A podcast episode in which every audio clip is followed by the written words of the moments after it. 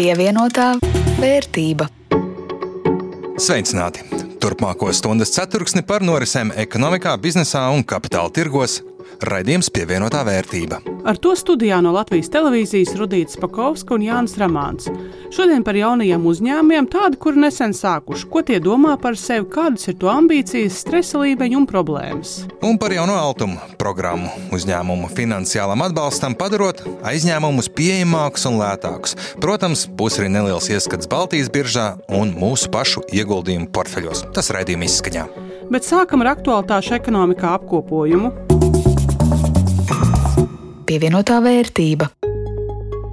Ja par notiekošo, tad notikumu daudz, daudz jāspēj tik visam izsekot līdzi. Satiksmes ministrija noteikti ilgojas pēc tiem laikiem, kad vienīgais, ko viņiem pārmeta, bija kavēšanās ar Real Baltica izbūvi. Nu, pievienojusies Vivi un pasta sāga. Jaunie vilcieni nekust, nesitami paralizē pussatiksmi, un viens vilcienu satiksmes apakalipses vakars bija gana, lai no amatiem atkāptos uzņēmuma padome.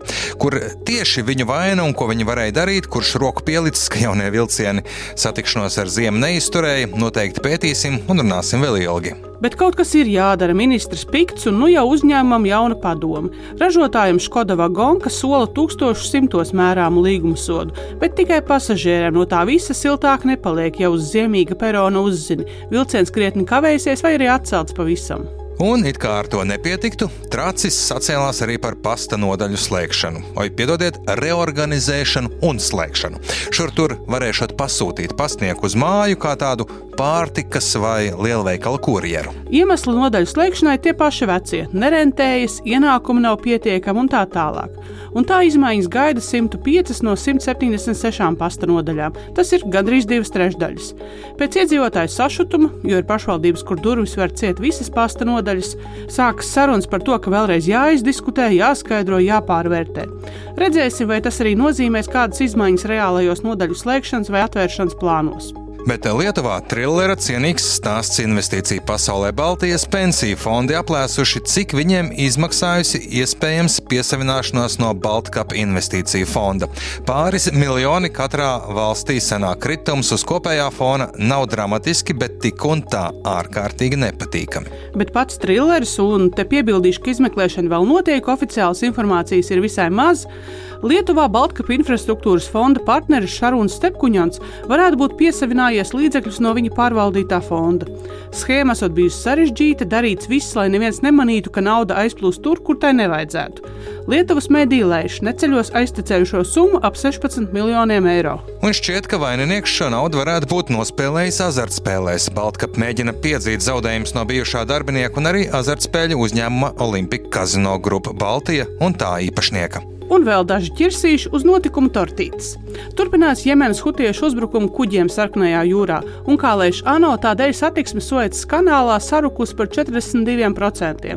Un tas nozīmē, ka globālā tranzīta plūsmas kļūst lēnākas, dārgākas un sarežģītākas.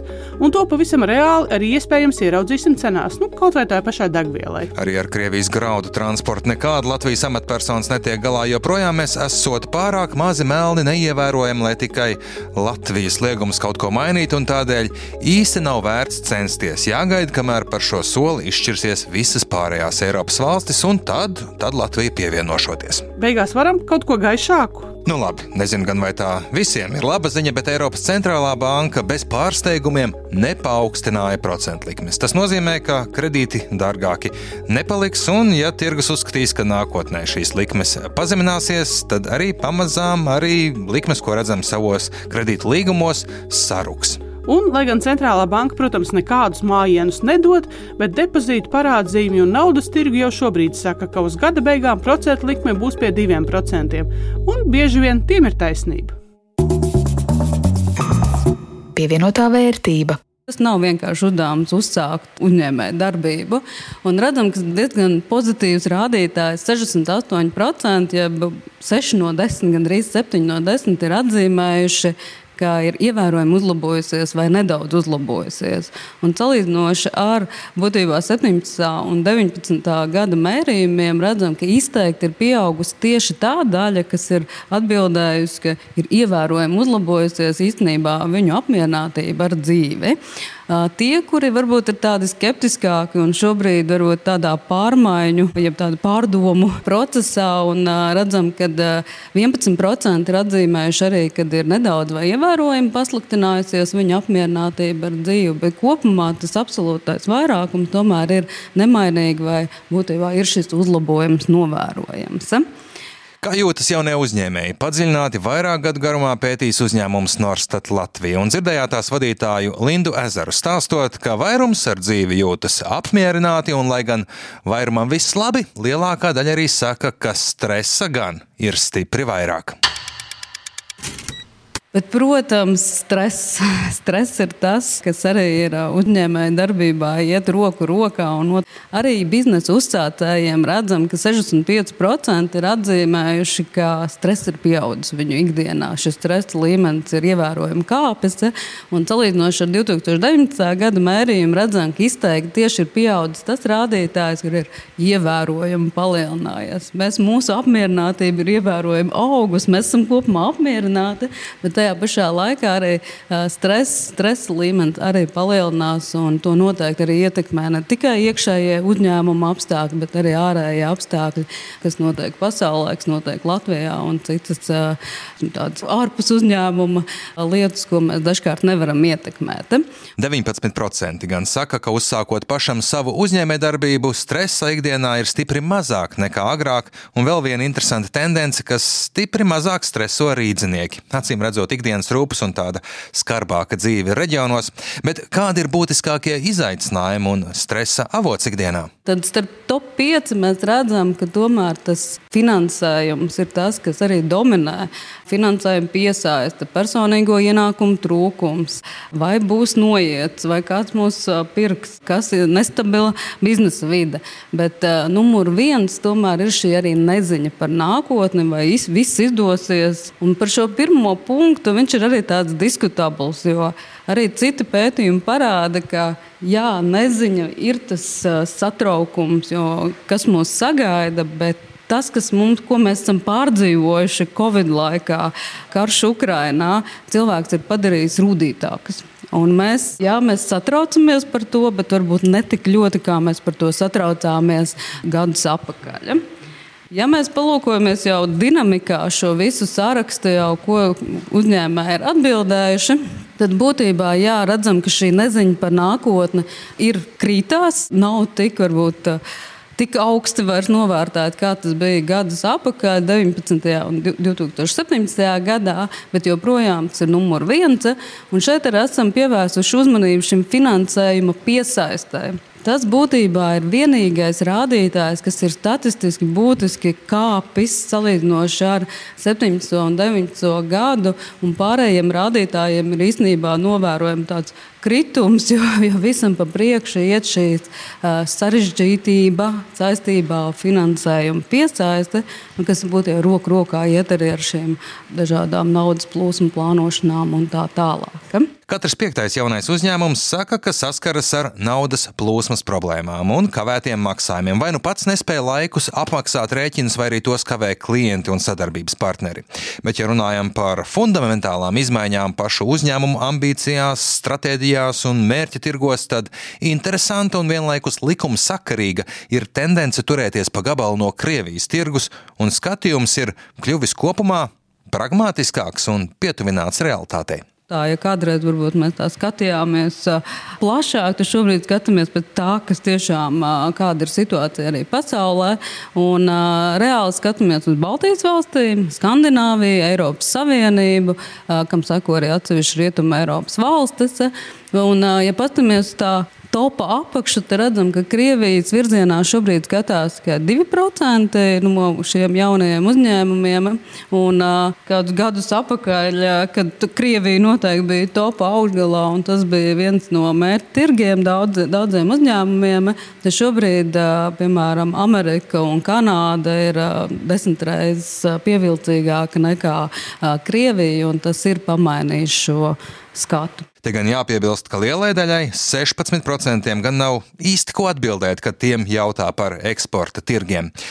Bez naudas plūsmas problēmām vēl jaunus uzņēmumus uztrauc darba spēka pieejamība, bet kopumā skats nākotnē visai pozitīvs.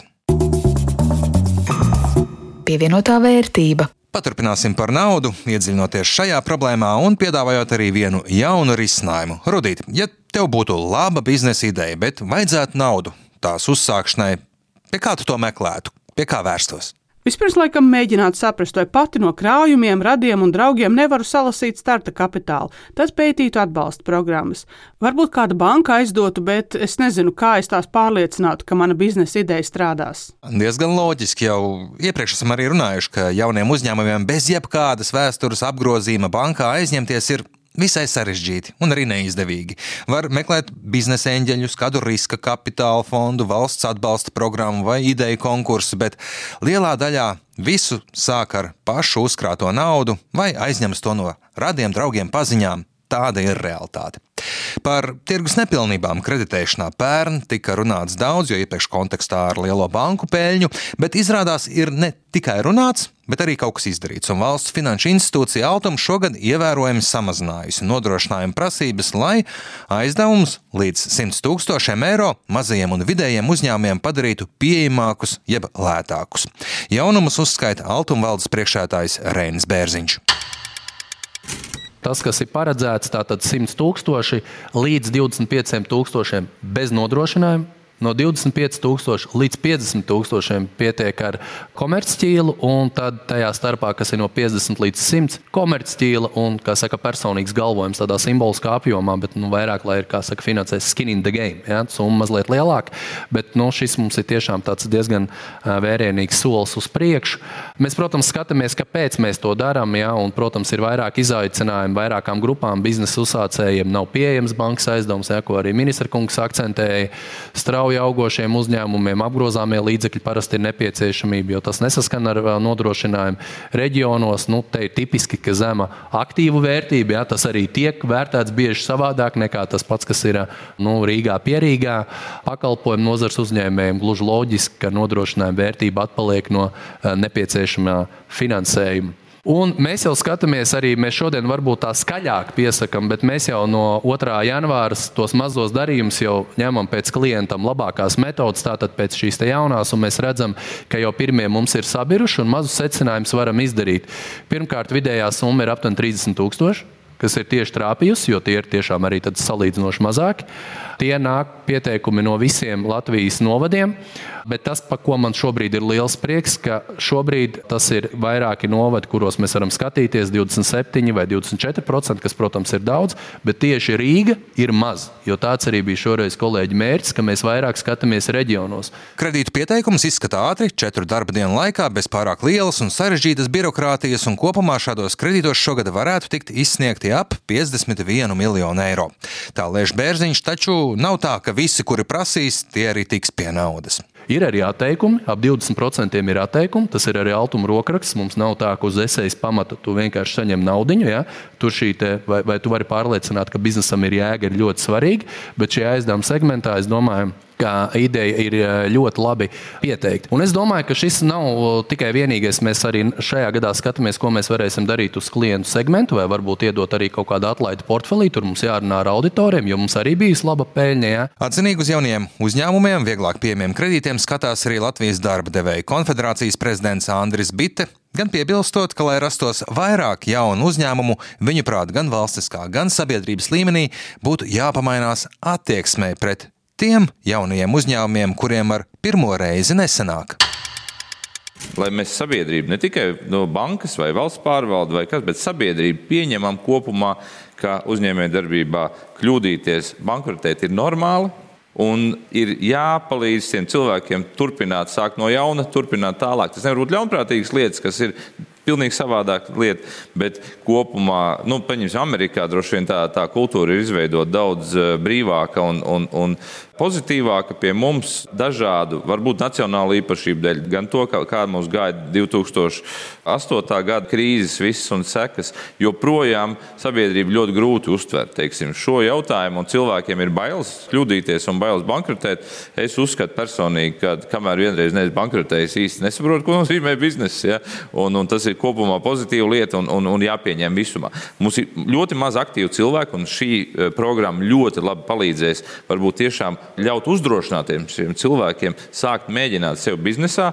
Un mums ir svarīgi, lai arī tie aktīvie cilvēki, kur nofeilo, varētu sākt nekavējoties atkal no jauna sev. Šajā programmā šobrīd ierēķināts, ka nesanāks aptuveni 7% skaidro bērziņš. To, kā būs dzīvē, to varēs pateikt tikai laiks. Savukārt, ja no visiem kaut pāris mazo uzņēmumu izaugs par lieliem un veiksmīgiem, tas valsts ekonomikai un arī budžetam ilgtermiņā noteikti atnesīs daudz lielākus ieguvumus pievienotā vērtība. Un noslēgumā par to, kas notiek Baltijas valstu biržā.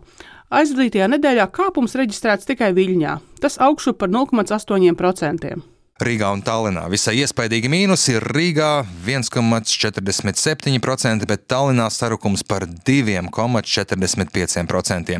Kas nozīmē, ka manā portfelī, kur daudz igauņu kompāniju, ir likumsakarīgi mīnusi. Mīnus 8 eiro nedēļas laikā, un atkal kopējā vērtība ir paslīdējusi zem 400 eiro atzīmes, šobrīd 398,72 eiro. Centi. Atliek man cerēt, ka Igaunijas ekonomika agrāk vai vēl atgūsies, un tev rudīt droši vien portfelī gan vēl tauki klāt. Nu, par tādiem tauciņiem es to nesauktu, bet nepilnē eiro pieaugums ir. Šobrīd man ieguldītie 300 eiro ir 460 eiro un 15 centu vērti. Ar lielu atrāvienu saglabāju līderpozīciju pievienotā vērtība. Ar to arī skan raidījums pievienotā vērtība. To jums sagatavoja Jānis Ramāns un Rudīts Pakauska no Latvijas televīzijas. Par labskaņu rūpējās Kaspars Groskops. Šo un citus raidījumus varat noklausīties arī Latvijas radio arhīvā, raidierakstu vietnēs un radio mobilajā lietotnē. Uz tikšanos!